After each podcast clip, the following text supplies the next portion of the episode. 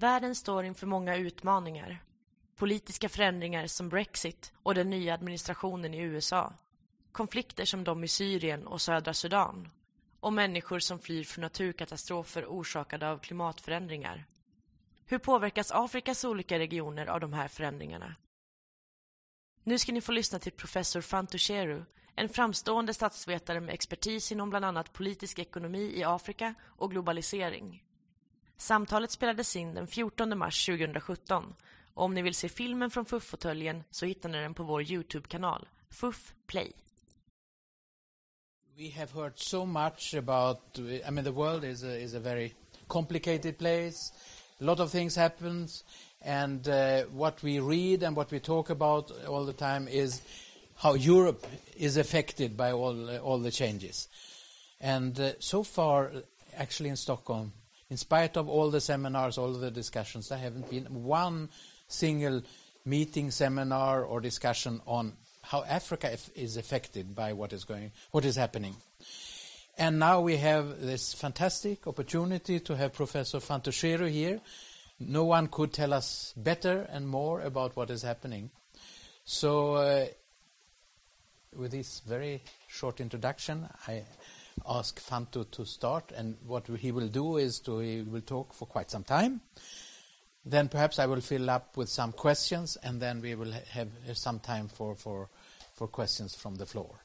So, please, Fantu. Thank you. I don't need that microphone. No. Okay. You have- you have I already have one. Okay. Thank you uh, for coming. Uh, you know, Leonard and I meet at least once a month and uh, spend an hour over lunch about taking a scorecard of where the world is going. And uh, we leave completely depressed and we meet the next time. Uh, finally decided, you know, this is too much to carry for two individuals. Why can't we have a much larger group for what I call not a seminar, but more a group therapy uh, uh, session. So what you will have, in a sense, is is a group uh, therapy session. This is, uh, you know, we're living quite un, you know, incredible historical uh, uh, period that, that we live right now, even for somebody who's a political animal like myself.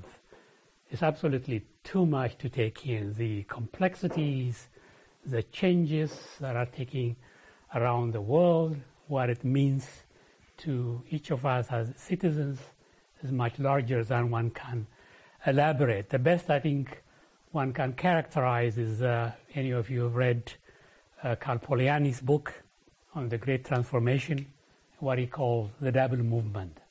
We are living in a period of what I call the double movement.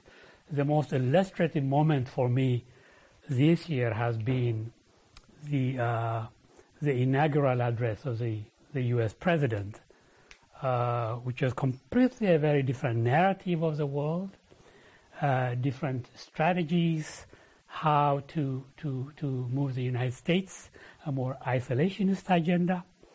Uh, and two days later, I was watching the, uh, the World Economic Forum in Davos, and a brilliant speech that was given by the Chinese uh, president, Xi Jinping, a speech I'm absolutely clear written by a good friend of mine, Justin Lin, a brilliant embrace of integration, globalization, internationalism, two different narratives within a, a time span of you know 36 hours.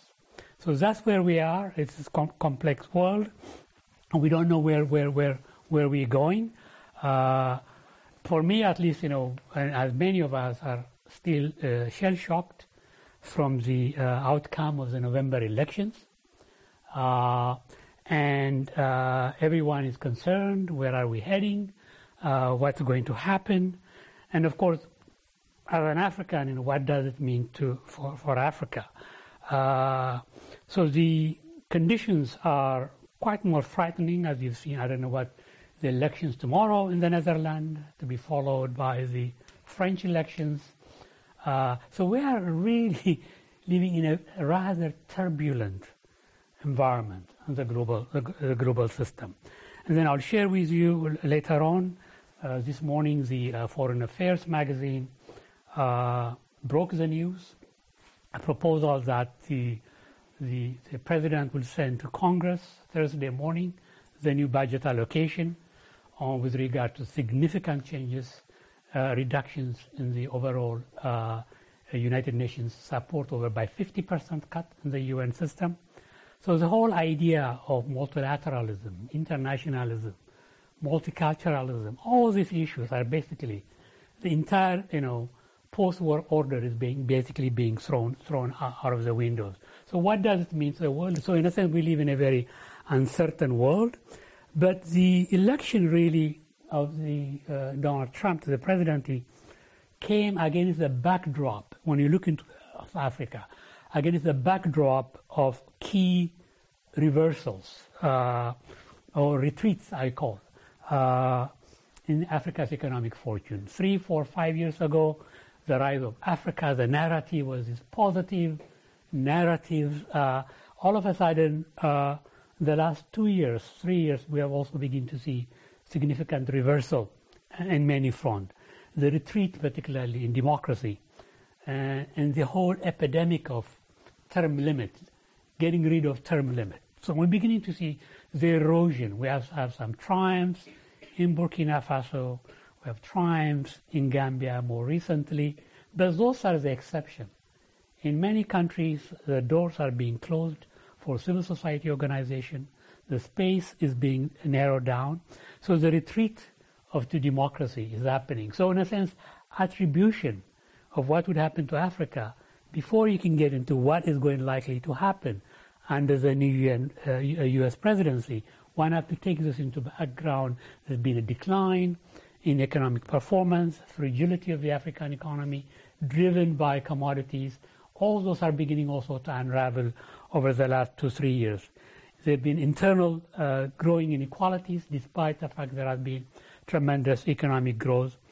Uh, slowdown also even both in the Chinese and the emerging economies, what is also directly happening. So you have to have that on the background before you can begin to engage what what is more likely to happen uh, in, in, in, the future in, in, the economy.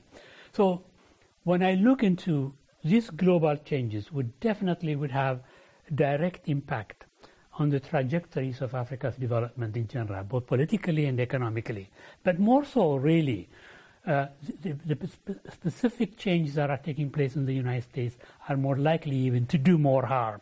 You have already seen about, what, two months ago when the administration put a gag order, not even actual cut, a gag order on the financing of a health program, which prompted both the, the, uh, the Dutch Minister Development Cooperation or your own uh, Minister Development Cooperation to, to set up that uh, pledging conference in Brussels about two weeks ago.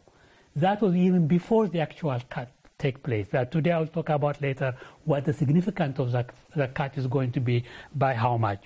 So it is very difficult at this point to, to, to, to, to see uh, the to predict what the administration's policy towards Africa, toward developing countries in general, is going to be.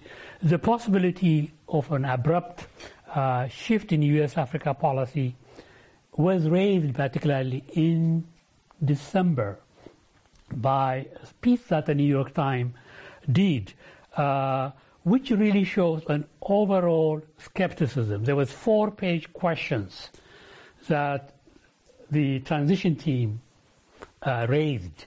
Uh, let me just talk about two of those questions. They said, you know, with so much corruption in Africa, how much of our funding is stolen? Shows you the naivety of the, the, the administration. Why should we spend more, more, much of this fund when we are suffering here at home? So already there was skepticism about the incoming administration in terms of their long-term relationship with Africa. So this whole isolationist tendency, the America first uh, narrative on the administration will definitely have an impact on, on, on the future of U.S.-Africa uh, relationship. So on one hand, you will see increasing isolationism. On the other hand, you would also, I would expect, we will see selective adventurism. Uh, this adventurism in terms of the similar to the kind of unplanned intervention that we saw a day after inauguration in Yemen. Those are more likely to happen in at least four selected uh, zones of conflict in Africa, which I'll, I'll, come back in a few minutes. But the idea of make America great again is not simply a slogan. They mean it.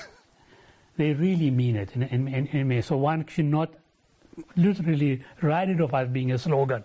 There is a tendencies of, you know, uh, uh, the idea of isolationism, a rejection of uh, multiculturalism, rejection of internationalism is very much embedded. And I will talk about it, how this is more going to be manifest itself in, in the way the policies are taking place. So what are the things we need to be watching? What are the signals we should be looking for over the next months, over the next six month period of time? Today, the president has called only four African leaders. The Sisi, which is the Egyptian dictator, uh, and they have called uh, Uhuru Kenyatta last week. We've called uh, the Nigerian president uh, and Jacob Zuma. So he has been in touch so far with four African presidents for an obvious reason, which I'll come back. Most of it really have to do on the security dimension. But what are the things that we need to look into right now in terms of the Africa policy? The first is really, as you know, the president have completely revamped the National Security Council. Uh, within the National Security Council, the most important position on Africa will be the Africa Director on the National Security Council. So, to the extent already they have difficulty putting together the National Security Council, the first one got fired. Uh, the second one reluctantly brought from the Navy. He's more likely a scholar uh, not just any regular politician. And I, I would estimate he will have more, more, difficulty. So the, the, this national security advisor uh, plays a very central role, more than the Secretary of State. Plays a very central role. Uh, leadership for coordinating Africa-related policy, interagency coordination, uh, ensure a clear and coherent policy comes out of the administration. Uh, that means the person who is the Africa director at the National Security Council needs to know the region very well. You need to have very strong background in Africa, in African policy. And that they are stuck right. They don't know whom they want to, to bring. There's possibly one person who will come back, but they will never be able to get, to get him because he's one, he is too liberal, you know, uh, he's not the kind of conservative that they want.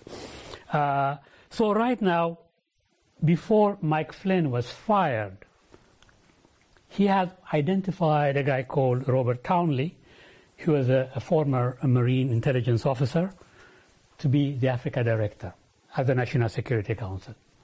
The problem that they had was that the CIA will not give him what he called elite clearance, security clearance. So he was out of the question right now. So there's a major chaos, disorganization within the administration. So the first, as I said, who is going to be the Africa director at the National Security Council? That's going to be a very important position. Somebody who is knowledgeable about Africa, the direction in which Africa is going to. The second area of problem will be the State Department. Here, the uh, finding the right candidate to become the Assistant Secretary of State for Africa is also becoming a big, big problem for them. Uh, Africa, in general, Africa-related posts uh, is going to be uh, a lot of vacancies. Uh, across departments, the Department of Commerce, Department of Agriculture, uh, the State Department, uh, the Treasury Department, they always have Africa positions. They simply, all of these are not filled right now. None. On top of that, key individuals, key people who have been career civil servants in the State Department, most of them, about 16 of them left immediately. So it's a huge, huge challenge. Uh, so the Secretary of State, uh, Rex Tillerson, who used to be the president of ExxonMobil, uh, uh has very little knowledge about Africa except through the lens of ExxonMobil. He really doesn't know anything anybody else about. But he has one person he can bring along with him. And that is basically somebody who served as the Africa Director of the National Security Council under Bush 1. He was Assistant Secretary of State for Africa under Bush 2. And this person basically uh, is uh, the Africa Director at ExxonMobil itself. So a big difficulty. How can you bring your own man out of ExxonMobil back to the State Department? Second, he was more liberal. So it's a very, very difficult situation. The third, of course, you have to deal is, but if the Secretary of State really chooses a good Assistant Secretary of State for Africa, then there is a very good hope that Africa's policy would probably get the attention it requires with the administration. So it's really key here in, in, is, is that to what extent the Africa, the, the Assistant Secretary of State for Africa is going to be available. But the question is who is winning and who, you know, what are the lineup of forces right now in Washington? Uh, there's one academic in terms of that are mentioned who is now basically at the Atlantic Council. He's the Africa Director at Atlantic Council. I've done much. I've, I've done much of it. I've, I've, I've, seen a lot of his writing. Uh, Peter Pham. He is basically a security specialist. He's in the running but whether you know that will that will happen remain to be seen. The second is uh, a woman who work. Uh, uh, uh Kate Almquist, who is basically the director uh, for the uh, strategic studies for the International Defense University. So, so, these are the candidates that we have in terms of the potential for the for the position of you know the Assistant Secretary of State for Africa. But there are also many other appointment positions that are not simply filled right now at this point uh, will be very difficult to fill. This will basically involve basically the MCC, the Millennium Challenge Corporation, which is similar to the USAID. Uh, PEPFAR, which is the President's, the President's Initiative Emergency Plan for HIV/AIDS, which George Bush created. Uh, if you can just say MCC, a PEPFAR, would be a major success. Again, I think they are very much going to be affected by the budget cut. The third most critically have been the USAID. USAID under the State Department, uh, there is one particular person that is mentioned right now who is the current president of the Republican uh, International Institute. So the point I'm making is a lot of Africa-related positions are not filled, will take a longer period of time to fill. That means it will be a long period of time before you can see a coherent Africa policy on the part of the administration.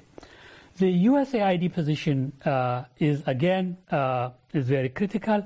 The third element would be what we call a very small agency called the Africa Development Foundation, which basically deals with U.S. support to grassroots organization.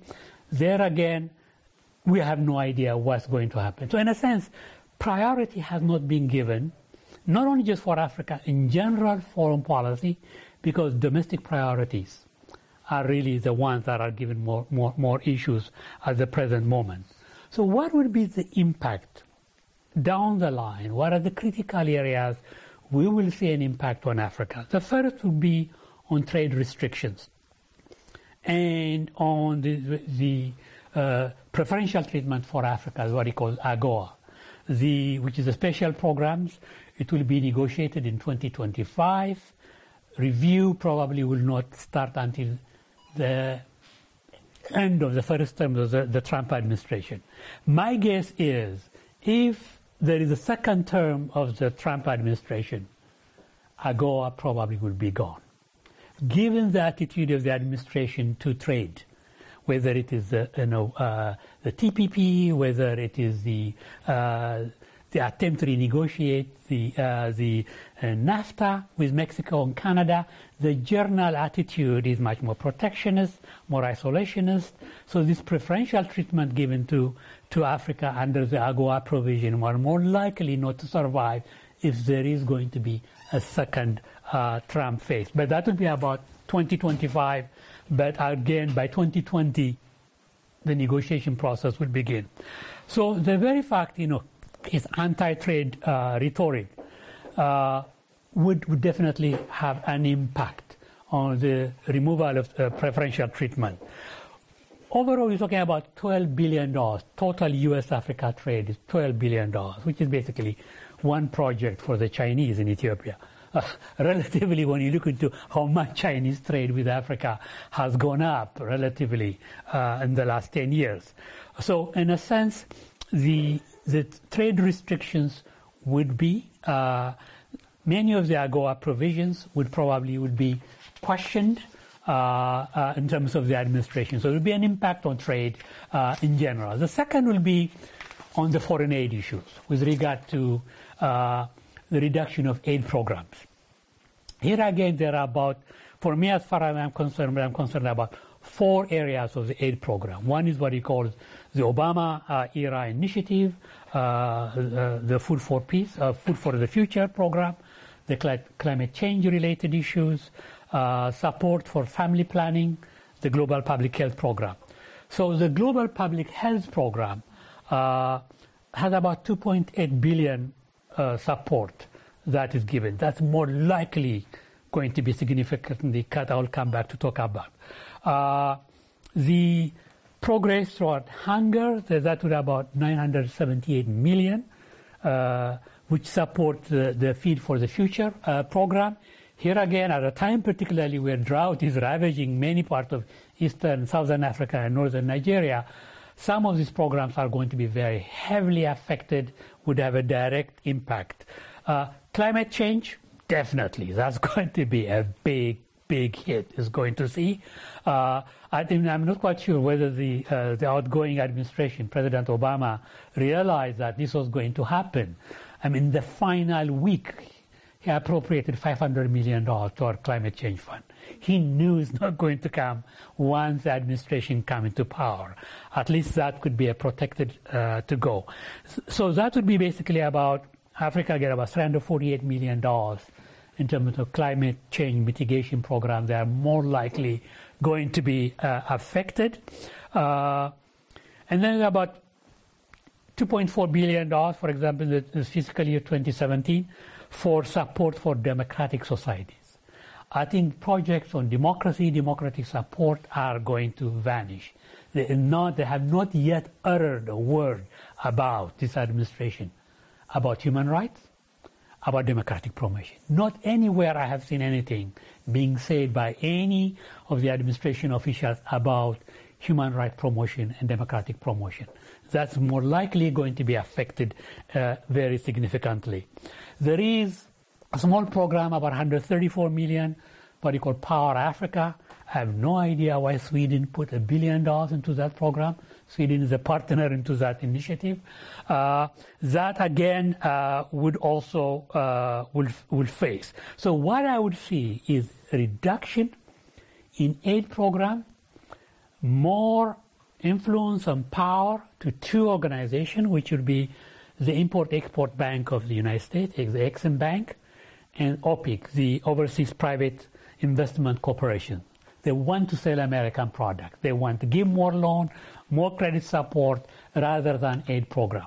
So the journal, you will see more in terms of how to promote American jobs at home, while at the same time also selling programs and goods and services to those places. So you will see a significant shift in the priorities of development assistance uh, in general. So what, what, what, what, what happened, for example, today in terms of this, what the, uh, the aid program cut, if I can read it here, uh, 50% U.S. funding to the United Nations program, 50% cut in U.S. funding. Uh, that were about 37% cut to the State Department budget, 37% to the State Department a U.S. Agency for International Development. So USAID generally get about $22 billion. Out of that $22 billion, $12 billion is what you call real development assistance. The other basically is divided between Egypt and Israel, which is military support program. So the aid budget, when you really bring it down, is really very small. But even that is more likely uh, to happen. So Right now, the U.S. spend roughly about 10 billion annually to the UN, and the most affected is going to be peacekeeping operations, most peacekeeping operations are in Africa. You know, the administration already want to cut 1.2 billion dollar from peacekeeping support to South Sudan. They want to take that money is going to be taken out immediately, uh, and uh, UNICEF, U- UN Development Program, UNDP, these are more likely going to be uh, affected. Uh, additional also that will be to the UN refugee program. The UN refugee programs get about total budget is about four billion dollars.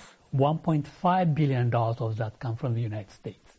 That will also will be significantly uh, cut. Uh, and the World Food Program, that's what we are all waiting to see. Because the budget will come out as a Thursday. We won't have to look into the line item reduction because the uh, the World Food Program separated from the Department of Agriculture, not from the State Department. It's a special uh, allocation. So that would be the UN Refugee Program, the World Food Program, which are very, very important programs, will be heavily uh, uh, uh, scrutinized. Of course, are they bluffing? They are not bluffing. This is real. Because we have to also look into these cuts against mandated cut, $54 billion they will cut from domestic programs in the United States. 54 billion, which would go to, to the Defense Department. There was a report that was done by the Congressional Budget Office today, this morning. 14 million Americans will be affected by the new program that replaces Obamacare. 14 million people will be, they will lose this coverage as soon as the House and Senate approve that program. So it's really a scorched earth approach at home. So a scorched earth approach in the foreign policy area will be tolerated. So they're more likely going to get their way. So the, these cuts are more likely going to affect a great deal. Uh, so the aid program is with the third area will be the military assistance. Military assistance support for anti-terrorism uh, campaign will be highly, highly intensified. That means there will be greater role for AFRICOM, the Africa High Command, which is based in Stuttgart, Germany. So what do I see more, more likely to happen? Uh, uh, one will be four theaters of operations support that would happen. The first will be the Horn of Africa. Uh, that is Somalia, Djibouti, Ethiopia, Eritrea, Yemen, you have to include Yemen, it's not in Africa, but it is. Uh, Kenya, Uganda, the attack on Al Shabaab and its affiliates. So that is going to be a major area, mostly more likely drone operations, uh, off-sea operation from U.S. naval operations from the Red Sea, rather than the placing of ground troops in the countries. So that would be one area of engagement we should we, we will see. Uh, and in the Sahel region, which is basically Mali, Mauritania, Algeria, Burkina Faso, uh, that will be Al Qaeda of the Maghreb. That will be more, you know, counter-insurgency, counter counter-terrorism operations will be ex- expanded. Again, more expenditure on the military component. In North Africa, certainly they will continue, which is basically Tunisia, Libya dealing with the question of, you know, ISIS, uh, Nigeria uh, and Central Africa, Cameroon, the, uh, the Central African Republic will be basically dealing with Boko Haram operations. So we will see increasing military operations, uh, bilateral, not even cooperation with multilateral or UN systems in general, because the general perception of the UN is a useless organization we're wasting our money. Peace operations have not done anything. Uh, and the certainly a focus on the Sudan, the Sudan's basically. Uh, uh, so with uh, that kind of, in, you know, in particularly with increasing interest, with increasing uh, interest by China to set up a naval base in Djibouti, uh, we have, in a sense, a very small revival of kind of Cold War kind of skirmishes in, in that part of the, the world. So I would say that Trump will be more interventionist to play to the gallery at home. In America it's great again, and nobody messes around with us. Some of it will be done really not because they want to do resolution of major conflict at the, at the regional level, more so really to play up to the gallery uh, at home. So there'll be more interventions than the previous administration. The choice for them is going to be small war or big war. So the, these are what I call small war. The idea of going a major intervention in the Middle East, with a major intervention or confrontation with the Chinese in the South China Sea is unlikely, although certainly they will continue to play back at home. So it, is going to be this mixture of, of, of uh, a rising America, you know, making America great again. Uh, uh, so we will see, we'll get caught up in, in that situation, the Africa continent. The fourth areas, of course, as I said before, is a major retreat on human rights and democracy support.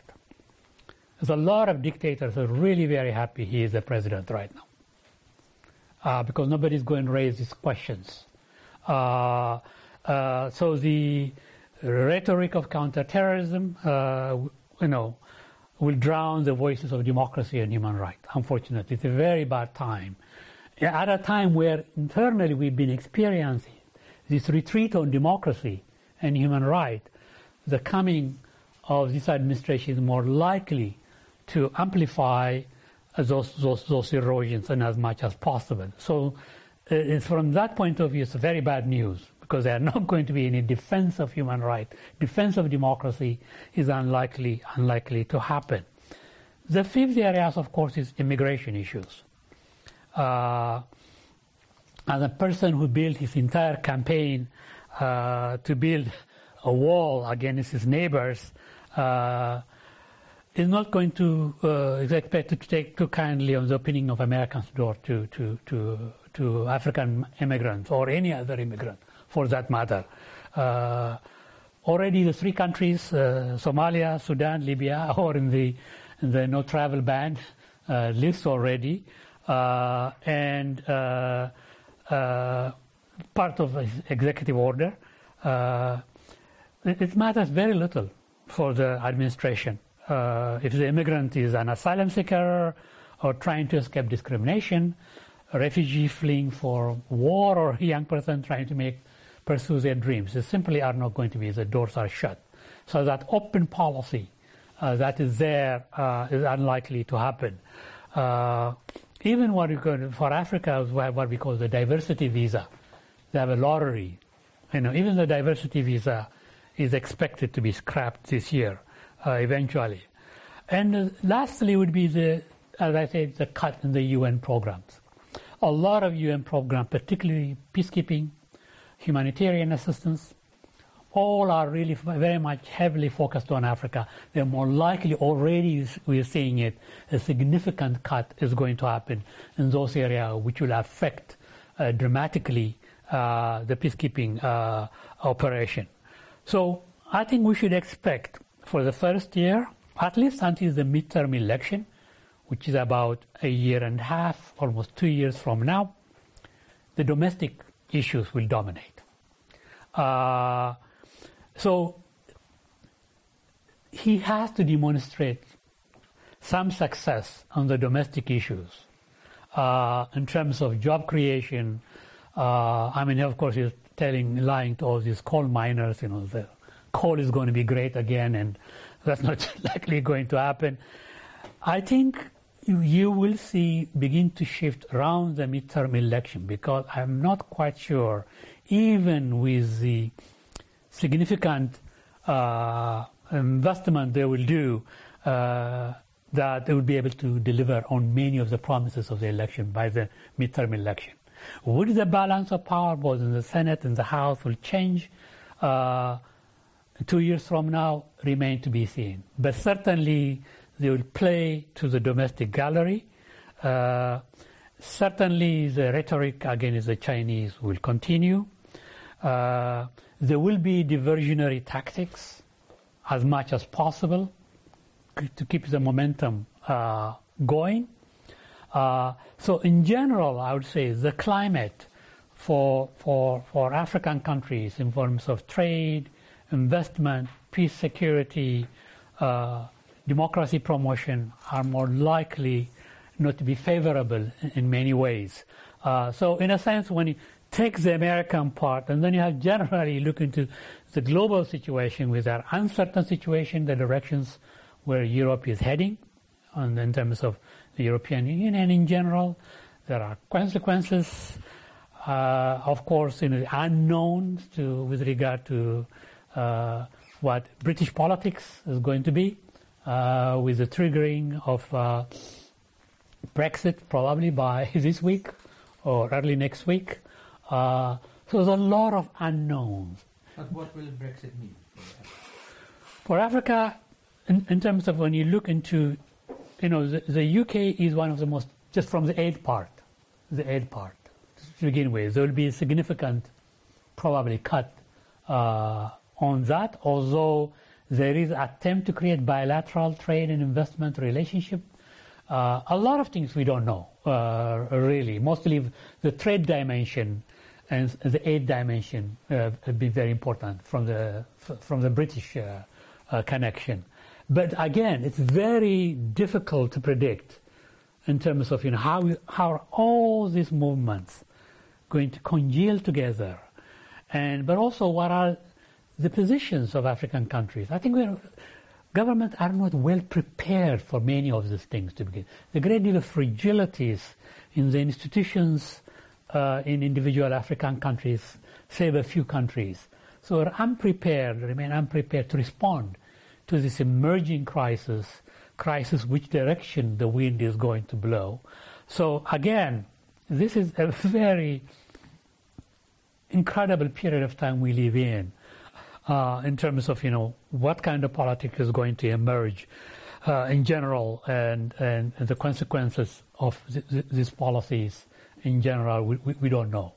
Uh, You haven't mentioned at all how others will interact when the United States withdraws. I mean, you have Russia, you have China, exactly. you have the BRICS countries. Yeah. For the BRICS countries, you know, if you look just as the Chinese, you know, China has Chinese policy is mostly, you know, a 50 plus years long. This is a long horizon. They don't plan on, on the base of election years. So for them, certainly, uh, it would it would provide opportunities uh, to consolidate uh, both on investment side, on the trade side, uh, as much as much as possible. Uh, Indians, the most active. Next, you know, Brazil is in a different case because it's been a mess uh, the last two years. Turkey has been an important, important player in Africa. It's, it's unbelievable. Um, few people know about the role of Turkey in, in Africa. And this is really in the last six years. It's a major player in, in development policies, uh, in general, in investment policies. So all the other actors, as you say, also reconfigure their policies and strategies in response to take advantage of it, to deflect the ill effect of you know uh, the issue. So there are many players uh, in the scene. I'm not quite sure though uh, on the Africa side we are prepared to respond in many ways. Some countries are far ahead, but generally there is not a coherent policy how to uh, deal with the diversity of the factors that are playing a significant role uh, in African development. More, not just on the aid issue, really, increasingly on trade and investment and knowledge exchange part of it. That's been an important. There has been a shift, uh, from aid more to something else. Uh, but that requires a very different uh, strategy. So you will have countries that are winners and leaders in each of sub-regions' response. But again, the response will be not only towards the United States, towards the EU, toward emerging economies that require different level of expertise, different level of you a pragmatic policy response on the part of African government. When you started, you said that uh, there is a downturn in the whole economy of the world, and that uh, investments are going down uh, also from uh, no, from all the parts. From all even from uh, China. Exactly. So the question is really how well can China now and others act and take the place where which the United States is leaving? I think they are more likely going to be. You have to see. I have seen a great deal of pragmatism on China part. They have learned lessons. They are getting smarter in the way they do business, uh, based on you know not altruism, but really more strategically looking into that. Would they feel that position? They already. I mean, part of the reason why a lot of Chinese, Turkish, other investment in Africa has been to take advantage of access to the U.S. market through AGOA. AGOA became the way in which they have been able to have access to the U.S. market. And the Americans, it dawned on them. The real beneficiaries have been really foreign investors who are investing in African countries. But through that, they have been able to have access in leather and textile, particularly the two critical areas where you know, much of the beneficiaries of AGOA has been external investors based in Africa who have been able to use that, that provision. So uh, what kind of arrangement we will see? We will see different kind of trade arrangements uh, with bilateral donors. The platform is already there to elevate that relationship. China has that, the, the Forum for China-Africa Cooperation, the India, there's the India-Africa Summit every year the China, you know, the, the uh, Turkey, India. Uh, so would they elevate this bilateral platform into a more diversified trade arrangement with in, uh, in African countries remain to be seen. Some discussions is there, particularly on the Turk side, not to simply meet every two years, you know, try to attract investment and aid packages, but a much more formalized bilateral investment and trade relationship. So there might be a multiplicity of trade relationships that are being pushed uh, in, the, in, the, very way, uh, like the, the, the, withdrawal of the United States from the Trans-Pacific uh, trade arrangement, the collapse of that. The Chinese have been happy to see that because they want to fill that shoes right now. So that, that kind of thing is, can, can possibly happen uh, with regard to each of the major players in this case, both the Asian side and the European side. AU, African Union, yeah. are they able to take the lead for, for Africa in, in, in new negotiations? the AU is not in a position to do so. Uh, the AU has been good with regard to peacekeeping, the Peace and Security Council of it, but not on this trade investment issues that deals more into a more structural reform of African economies. AU is very much dependent. Almost 75% of peacekeeping operations come from the European Union. It is operational budget is dependent on donors. So it has not yet taken up the capacity to, to lead on this, which should be position to begin with. Are there also U.S. funding AU? limited amount on the, on the, peacekeeping side only, but not on trade and investment issues. So, uh, there, so there is a lot of sorting out to do on the African side to have the upper hand on the discourse, to lead the discussion, to be more proactive. And the AU has been more a political organization rather than you know, an organization that is vibrant, that can lead on these critical negotiations in many area, areas that will affect the African continent. So in a sense, there are, you know, the, the, you know, the Trump election could not have come at a bad time, at a time where we need to go one step up, both in the reform of the Africa Union and the other, to be able to take the revamp of the regional commissions in such a way they take more proactive action. So again, now the timing could not have been as bad. Another, you know, term of a democratic administration would have given us much more, more time. I think we got too too contented with the good commodity prices, you know. But the party is over right now. Uh, in many in many cases, those were opportune moments where we could have been able to sort of anchor significant changes that could lead to a more structural uh, transformation in the future.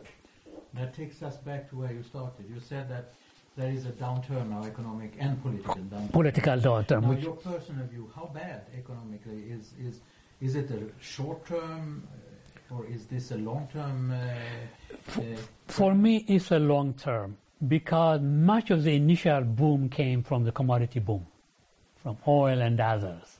Some countries were able to use that windfall profit into direct investment with regard to energy, railroad system, dams, and others. Those countries who did that are more likely to sustain their growth. For many others, they never invested it, you know. So there was an opportune moment for some time where commodity prices, you know, was very good fetching good prices. The reinvestment part did not did not take very well. And what what you actually saw was, despite higher level of GDP growth, was also an enormous gap, enormous inequalities that has emerged. So there will be selected countries that are more likely to ride, continue to do so, that have done that, that have done good investment. The Rwandas, uh, the Ethiopians, until until the governance problem right now, uh, and a few other countries that have done very well. But in general, I think and the opportunity uh, has been lost not to have been able to strategically invest uh, natural resource revenue toward much more, uh, uh, you know, in science and technology, in, in investment in infrastructure, rail network, energy sector, etc. That that opportunities have be lost. The countries that have done that are more likely going to take advantage uh, for the foreseeable future. so raw material prices are not going up for some time. They are not going to go up And for some time. Generally, there have been a journal. Glad there have been a reduced demand in China as they move up, up, up more high technology production issues. Uh, there have been quite a changes uh, taking place, so they're unlikely. We'll never be able to see the prices we've seen six years ago for raw materials. It's just unlikely to happen. That we have reached really a glut level, a level in which you know. So. Uh, oil price, even oil prices right now, I don't know, what, 50 or 60 dollars right now. Uh, so the, the, the likelihood of that happening would be very, very difficult in the short-term period of time.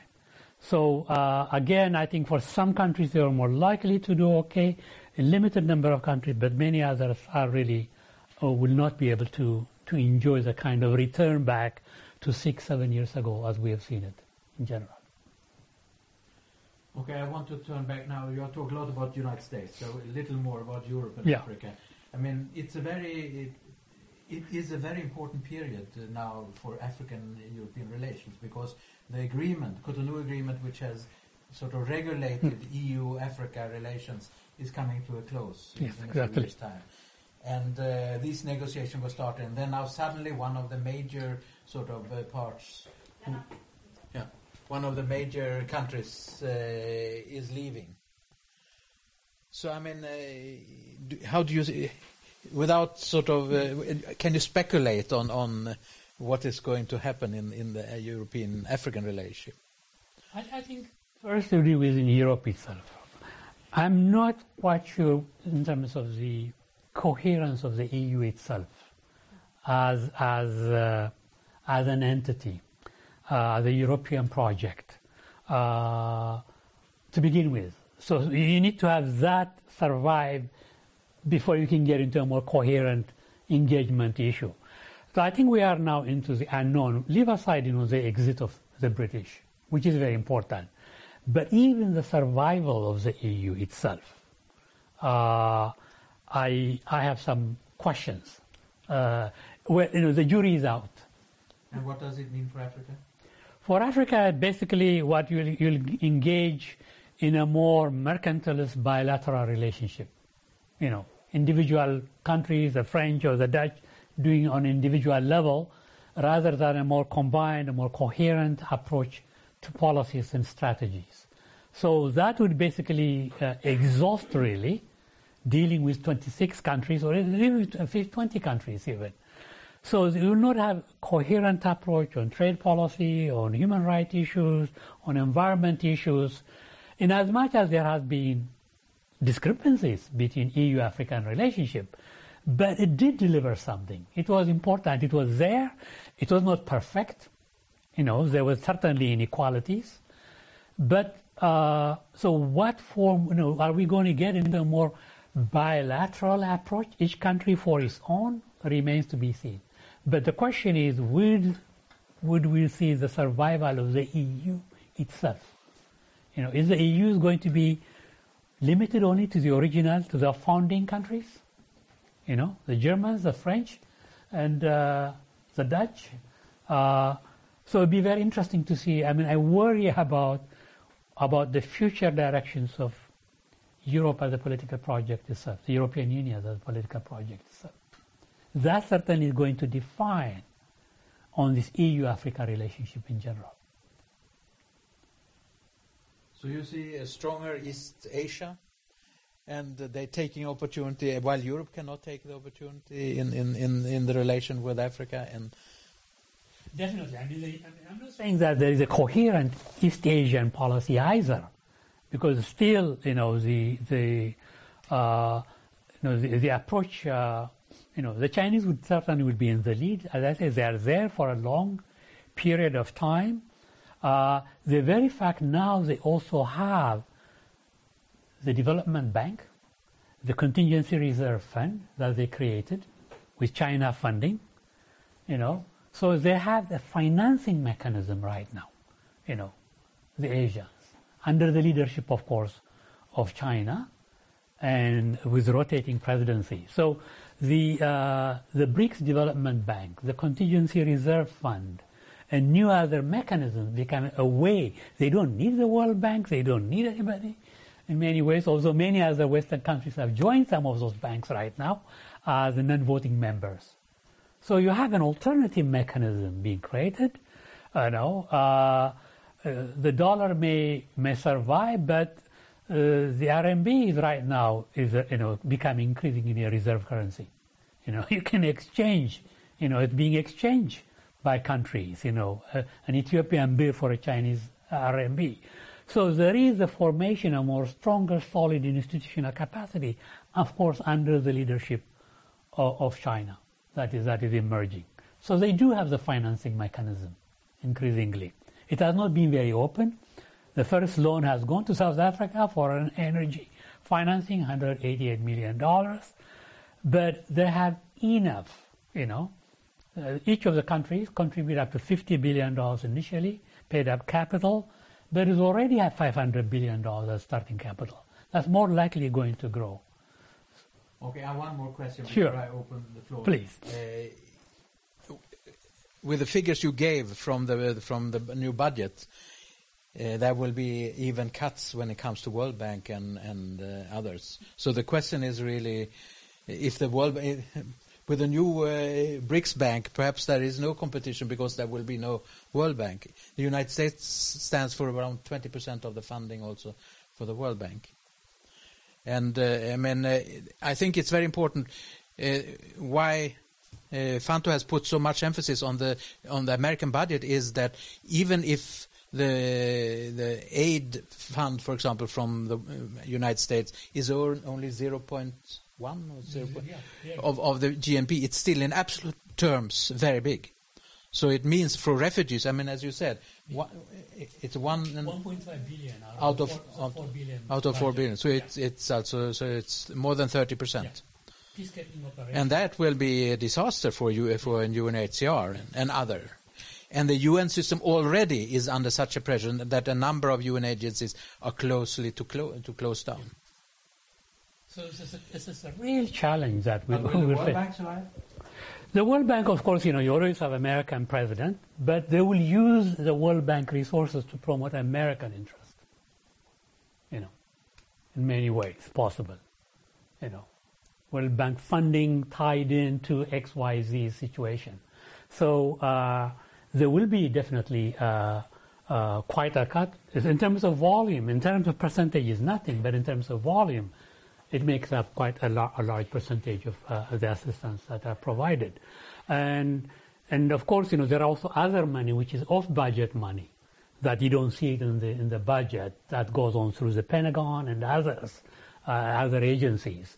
Uh, so, but I think it's going to be whatever money put is, is the end result is make America great. If you can't show that make, you know, you're making America great, then it's, it's, irrelevant to do. So there will be a more aggressive approach. I think the thing that scares me the most, it's not because of conservative versus liberal issues.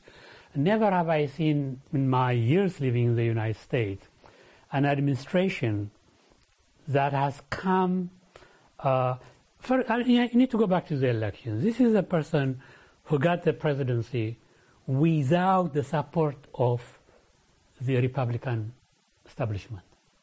You know, it was basically, you know, so he, he, he, he became president without having the backings of, of the Republican establishment. So consequently, by the time once the primary is over, normally any administration, when they're preparing, they will reach out to think tanks, etc., to help them. They have not set up anything. They have not even reached out to the Heritage Foundation, to the Hoover Institute, which is conservative. They, they really don't know. There are 4,000 White House staffers that have to be replaced, just within the White House alone. You know, where are you going to get all these people? I mean, so I, I, I do worry. I think more the impact will be a more lingering, not just on Africa, in general, because they have not really tapped in the knowledge and capacities that exist there, because they run basically a, a very different campaign that is completely delinked from the rest of the establishment. Consequently, they have not been able to tap in existing knowledge institutions of more conservative institutions in the United States. So I, think there's going to be a long struggle uh, unless they do some serious damage. I don't see the possibilities of impeachment. That's not going to happen. Uh, but in the meantime, the dangers of uh, uh, a war is there. I cannot rule out where. It's impossible to say. So the the idea is of uh, a potential war somewhere is, is likely uh, to happen at some point. So I'm much more cynical about it. It's, it's because you're not disagreeing them on the basis of ideology. These people are just really they run their own shop. They are not linked to the mainstream of even conservative America in terms of both to be able to tap in. I mean, there's a lot of African experts who are Republicans. Nobody is touching them. You know, uh, they're not too conservative for them. And then the, the composition of the National Security Council with people like Steve Bannon at the core of it, the reorganization, the marginalization of the Joint Chiefs of Staff, the National uh, uh, Defense. It is a scary scenario we are in. I mean, they, they, they live in a, very completely different bubble and a different situation. So we will see mistakes, you know, uh, we'll see uh, irrational decision making that, that, will that will happen because their their understanding of the world is just so so narrow. Uh, it's not ideology anymore. It's just just narrow, totally isolated world. With these optimistic yeah. words, back again. We never conclude optimistically. No, uh, the floor is open for questions or comments or. You're sprittling with it. Yes? No?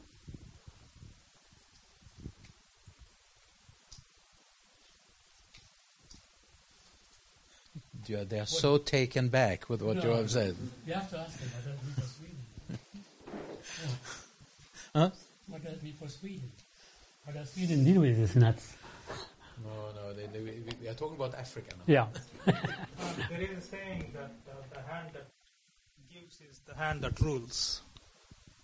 Why is Africa always looking for aid in this case? I mean, why can't it rule itself? I mean, I was uh, with a colleagues today uh, on a telephone.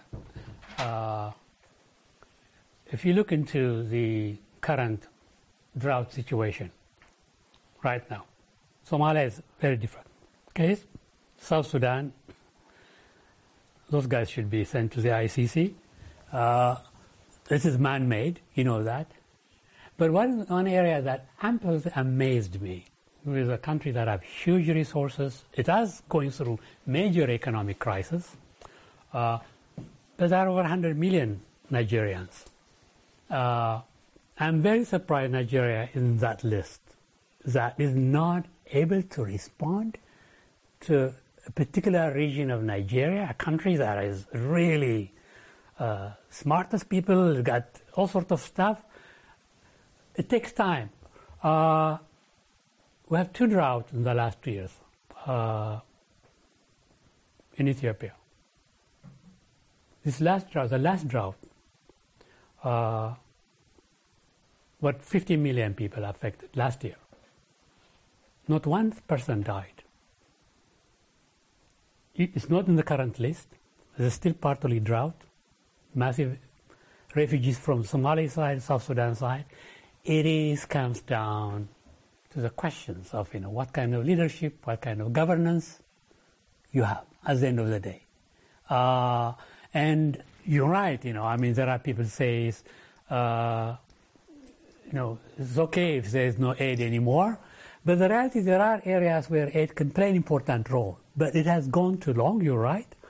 Uh, but it's really where aid, aid is, is insignificant to, if you look into diaspora remittances relative to foreign aid, is massive. The question is how do you deploy, how do you mobilize your own people for a common purpose? You know, it comes down to the governance issue. It's come, you know, so it's really come down to, to, to political issues. So if there are problems there, uh, should I use it or? Yes. Okay? Yeah. yeah. So if there are political problems, then if the Trump administration asks how much of the aid money is going into corruption, then is it not a valid question? From an American taxpayer's point of view, yes. You know, I mean, in my own interaction, you know, to Swedish politicians here, you know, uh, Sweden has been a very important support the, one of the countries that support the UN, and I've had open discussion where where I say, you shouldn't do that. You should only you should do to the UN, but to this and this and this. Uh, yeah, I mean, as a taxpayer, because I see it as, as a Swedish taxpayer from the other side now too, uh, where resources can be put. I mean, you know, uh, to tell you the truth, I would not give a dime to any regional economic commissions. Uh, I wouldn't give a dime to to UNIDO. I mean, what is UNIDO going to do about industrialization? It's a private sector was I mean, so there's a lot of issues. So there are valid issues, but in the meantime, I think there is an exaggeration in the United States that the entire world lives off the American dough, when reality is barely, it's not even zero, zero, one percent 1% of the, the total budget that goes on. So there's a, an exaggerating. Everybody lives off us, which is not really true. I mean, relative to that. Yeah, this is, a time to have this discussion internally and, and externally, definitely. Uh, but again, but there are areas where programs where you, make significant lives. I mean, the work we did, for example, with the Ebola crisis, that was worth every dime of it. The work on HIV/AIDS is worth it. So again, of course, we have to be selective where can make real, direct differences in, in people's lives.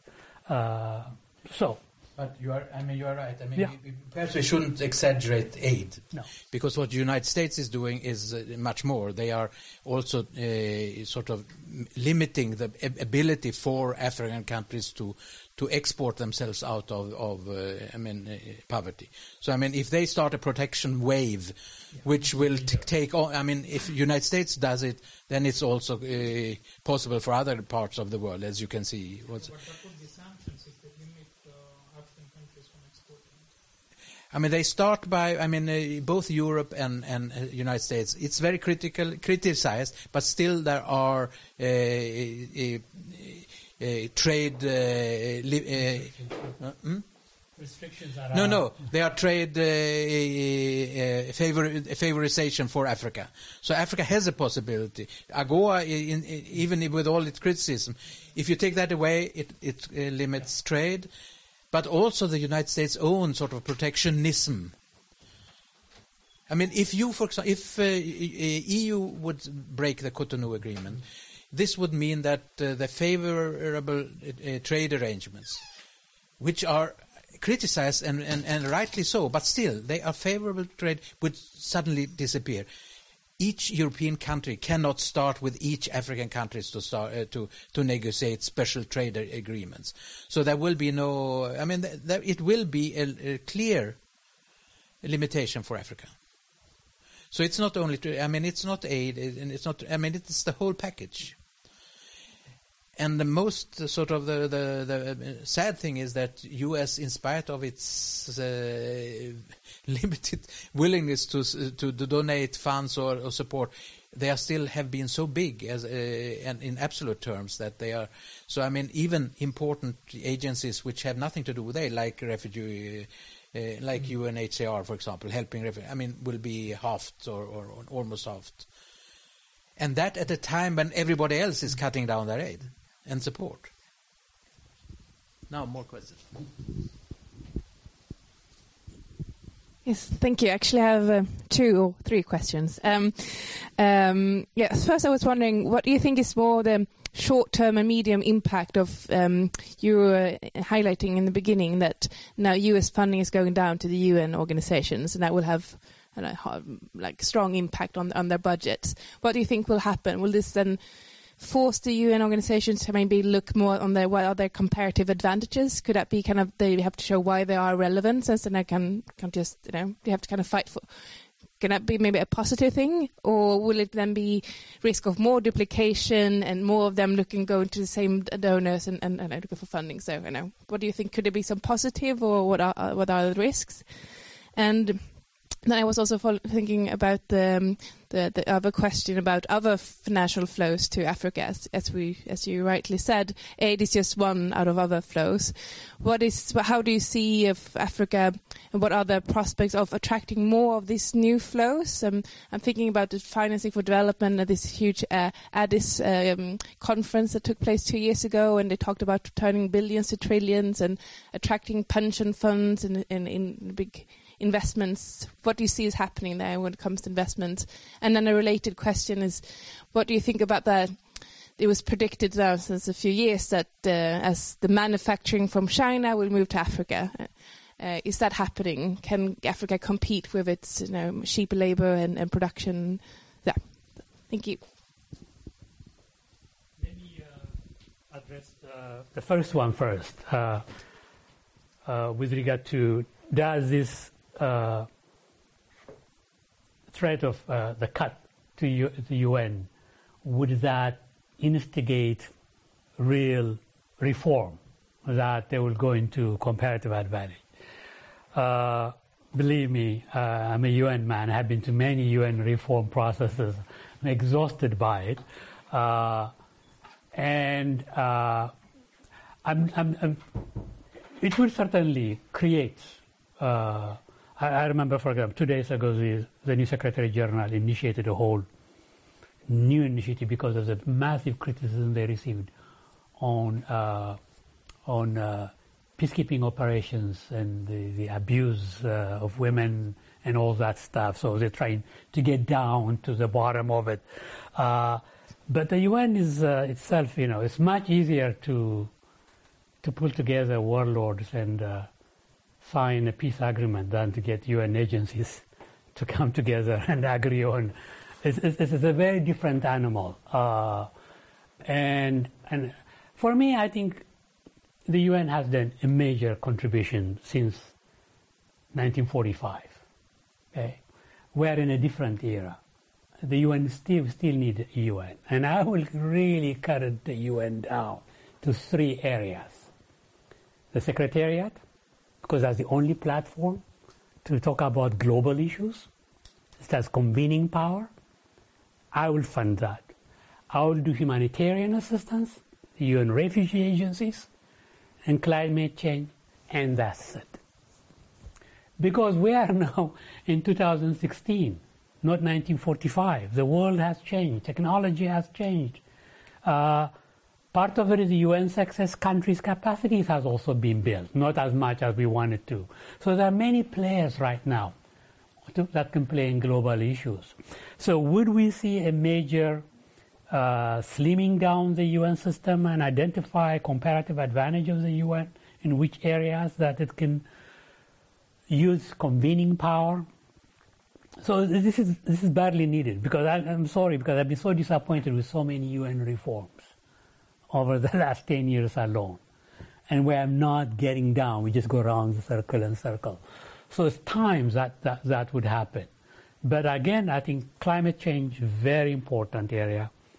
Humanitarian assistance, peacekeeping, global public health issues. Uh, these are really important issues. We should focus. The rest, kill them. You know, really. I mean, so many UN agencies I can tell you that I've worked. Uh, so there is there. So there is so where the impetus will come from there. Well, you know, I have been there before. I'm not sure whether this one is the greatest threat because I also lived through the Reagan administration. When Ronald Reagan came in, really went after the UN. Uh, UN, the US pulled out of UNESCO, uh, pulled out a lot of resources, but it didn't go that, that far. So, be very interesting to see where where, where, where we are heading in, in, in that direction. So, uh, the second is on this uh, whether countries should be able to to tap in into new flows. Uh, how you tap in into financial flows from other sources in these cases, whether it's pension fund, whether it's private sources, is very much conditioned by the kind of macro macro environment you have at home, macroeconomic policy environment, the the environment for enabling infrastructure sector, power, energy, etc. So it is, so we have to think about how do markets operate? What does markets need? Do we have the enabling conditions in place for financial flow to come in.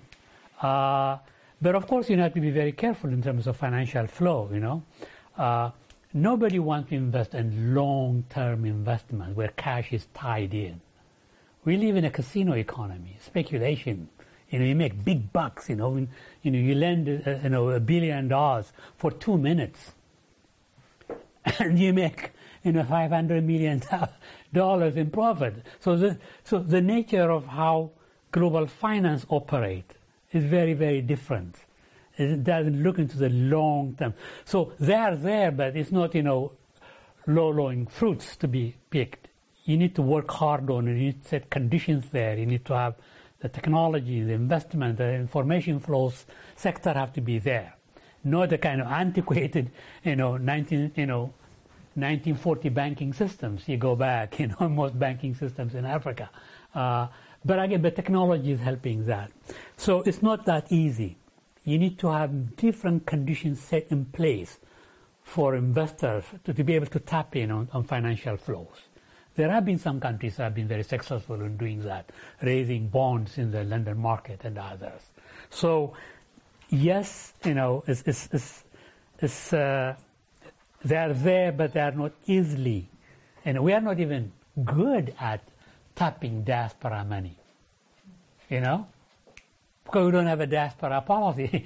you know, one of the things I can say about two, three countries, including my own, you know, I am a, both a U.S. and Swedish citizen, but I have an Ethiopian green card now. You know, because they think, you know, every Ethiopian is a cash machine. You know, we don't want your politics, but we, want your cash. It allows me visa-free travel, access to land. There are different incentives to get diasporas to invest. So if you don't have those policies, how many countries have those kind of policies in Africa that allows the diaspora, you know, giving them priority in, in, in profit and I mean in, in uh, incentives in land, etc., to allow you to do so. We are not even using that. Uh, let alone the financial market, which is complex uh, sector to do. So yes, you can, you cannot, but you got to have smart governments, people who are understand the market, understand and where money is and how, how, how to get it. Uh, the third, the, the China uh, factor, what was that question? The third question?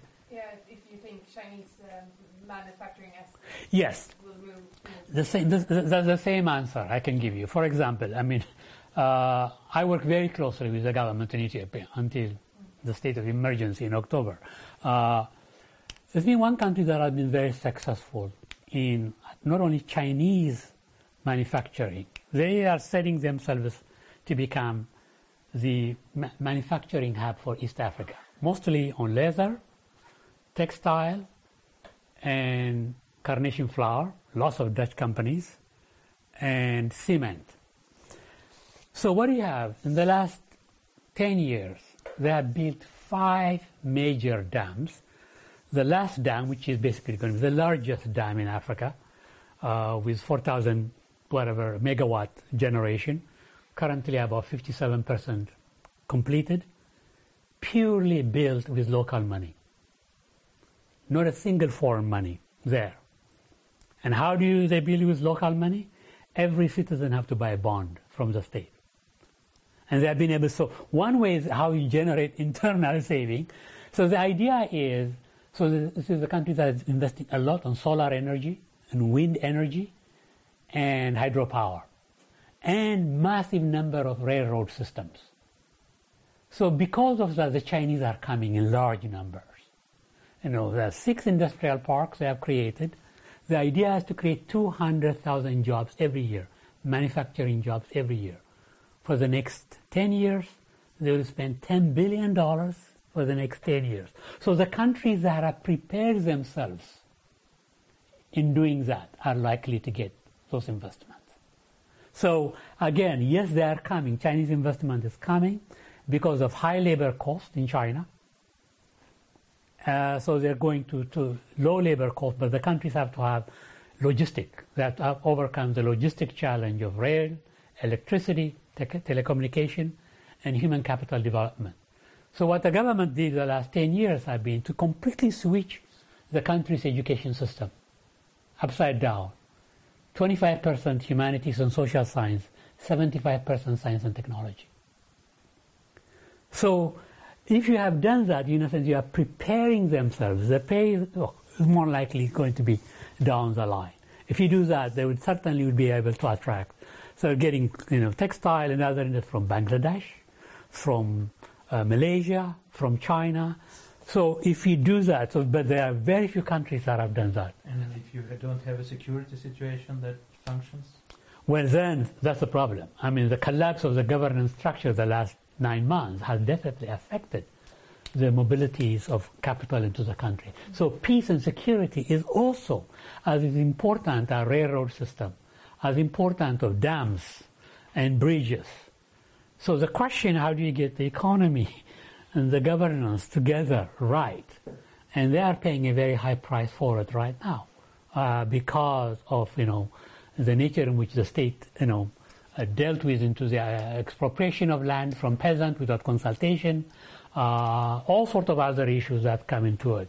So uh, the possibilities are there because I think uh, China is really moving very fast from low technology to high technology production. You know, and so the logistic challenge is very important. And I can tell you, for example, there are nine flights a day from Ethiopia, from Addis Ababa to China. Nine flights a day. To Guangzhou, to Peking, to Shanghai. There are about six flights a day, every day, to New Delhi and Mumbai. Of course, they, they can transport so much. You know, so they have the largest airlines in, in the continent. So the very fact they can move goods and people makes it much more competitive for them to be able to attract product. You know, they have 15 Dutch companies growing carnation flowers. I don't know how many flights a day to Copenhagen, to, to Amsterdam with fresh flowers for delivery to the European market. So logistics is very important. So the countries that have invested that are more likely to do very well and compete better. And of course, and they should not, even after you do that, you should not sit on the couch and be, enjoy life. You need to always constantly upgrade, invest in innovation and technology, uh, and more uh, in many areas. So the idea is right now they're exporting. The, the whole idea is to become the major export of energy to East Africa, Sudan, South Sudan, Kenya, already buy energy. So all those three, you know, rail, road, air transport, energy, and human capital development, you have them there, then you are in a position to be able to attract the, those, uh, uh, those manufacturing sectors. Okay, one more question. Yes. Thank you. Um, yeah, regarding back to what you just said on the example of Ethiopia, and that it has potential for um, well the economic bef- benefit then from like Chinese investment. So, I mean, that was really much more like exactly on the economic values. Um, but uh, I mean, as we all know, what comes with that, like especially like um, in the textile industry, a lot of, I mean, yeah, how the labor conditions are and environmental issues. And do you think there's um, yeah, well, governmental awareness and the potential to mitigate, like, yeah. Well, in fact, this is one country, you know, and this, this is the, the, the second growth transformation plan is a green economy model, uh, rhetorically. and practice, is very different. You know, there are two young Swedish ladies in Addis, you know, who do procurement for H&M. Uh, they have been very influential dealing with this textile industry which they procure from to look about issues of labor rights or questions of environment, sustainability issue. I'm not sure it is, I mean, they are doing it in the selected where, where they procure. But generally, I doubt it because there was a report very recently released in one region where the carnation flower is grown by the Dutch factories. Uh, and one of the biggest lake there is completely polluted right now. For the last month, the population has been buying water from tanker trucks because these environmental provisions have not been. Where, where, where you know, what, what happened? So, where lo- rhetorically it is a country with a green economy model, carbon free by 2025, okay, and getting a lot of money for it from the global fund on it. But in practice, at the level of the factory level, except one new uh, industrial zone in the south, uh, which is well planned. Uh, in the majority of factories, I do, particularly in the Chinese factories. If you go to some of the Chinese factories in Addis, you feel like you are in Guangzhou. Um, from the training to the culture and to the salute and God knows, I mean, it's real, you know, reproduction of China. How much environmental labor rights issues is going on? I have some serious, serious doubts. Rhetorically, the government embraces it. In practice, I'm not quite sure they are widely inspected and practiced and enforced as, as much as possible. I mean, all these questions, I think almost every question falls back on the governance issue. I mean, if a country prepares itself for doing certain things, Yeah. then they can get very much positive out of Yeah. aid, trade, multinational uh, companies, be it from China, be it from the United States. If they are doing badly, I mean, then the results will be. will- Yeah. And this is also true when it comes to supervising environmental issues and Mm. so on. So, I mean, the question of sort of ownership and real ownership and is, is extremely important. Yeah. Now we have room for one more question. So, if, yes.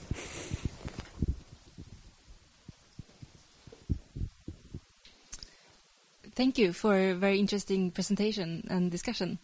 Um, my question is regarding the sub-regional organizations in Africa, uh, like ECOWAS in West Africa, for instance. We saw their role in January in Gambia. Uh, so, what do you think their role will be in the next one two years? There's a lot of work and debate going on on re- revamping, making, because they're supposed to be the founding blocks for an African economic integration. You know, these so-called regional economic uh, organizations are supposed to be the foundations. Progress has been different from, you know, ECOWAS has been demonstrably very successful in peacekeeping related issues. Their engagement in Sierra Leone, if you remember, early on, uh, the current engagement in, in, Gambia, Liberia. Liberia, has been really successful on that part. But if you go into, they've been very good in the free movement of people, the ECOWAS passport. But on the nitty gritty of integrations on currency, macroeconomic policy, uh, regularizations of customs, uh, uh, all those issues, you know, when you are, some countries are committed or have done so much, others are at the beginning. So there are quite discrepancies. The one that has really done very well now has been the East African community. But they're also small, relative. Uh, you know, they died, they resurrected, and they have been much more effective. So all of them are at different levels that have been attempt to do, and you know, so the track record, you know, we we need to get that right, but regional economic community integration. Uh, you know, the foundation for that has to be first national integration. How do you, you know, the, the dichotomy between urban and rural, the dichotomy in policy at the national level, let alone among, among member states. The question of harmonization of policy, uh, coordination of policies, uh, and a number of issues remain. So there are, each of them have some success in one item, not in all of it. And again, I think that the idea would be to, to really revamp and create. If we can just create two good examples that others can, can follow, others can, can, can lead, would be a very interesting area. At some point, SADC was supposed to be the future, but you know, you got the big elephant, South Africa in the room, and then that creates a major discrepancies, and then there's the political issues, you know, political governance issues that, that comes in. But again, all of them have some some things they have done, but you know we've been talking about this since 1962, so we we need to be up in up, up in speed to get it done. But certainly, I think ECOWAS particularly has been very good on matters of politics at the regional level. And when you go about ECOWAS, of course, you're talking about Nigeria. It always requires Nigerian leadership, you know. And in that sense, the Nigerians have been critical in these areas. Thank you very much, Fantu. Thank you. Europe is not so much better example, so as you said yourself. Thank you very much. I, I, I, think you have got a lot of uh, present, both problems and challenges uh, for Africa uh, from the rest of the world. I hope when we meet, so, say in a half a year's time, that things looks much more uh, positive and more optimistic. I hope that your sort of fears will not uh, come true. Mm. I'm not sure, but I, I hope, and we all hope, because it's our own, it's not only Africa's future, it's all all our future. So thank you very much for coming, and uh, we will follow up this up perhaps with uh, also looking at other continents and how they are affected by by sort of all developments that are taking place. I mean, it's not only sort of what is happening in the United States and Brexit, it's also challenges for climate and challenges for so many other dimensions. And of course, this affects us all. And it's interesting to zoom in into continents that we usually don't discuss. So you are welcome back again to FUF. Thank you very much, thank all you. of you, and thank you. Thank you. Tack för att du lyssnat på FUF-podden. FUF är en förening som sprider information och skapar debatt om globala utvecklingsfrågor. Mer information om vår verksamhet hittar du på fuf.se.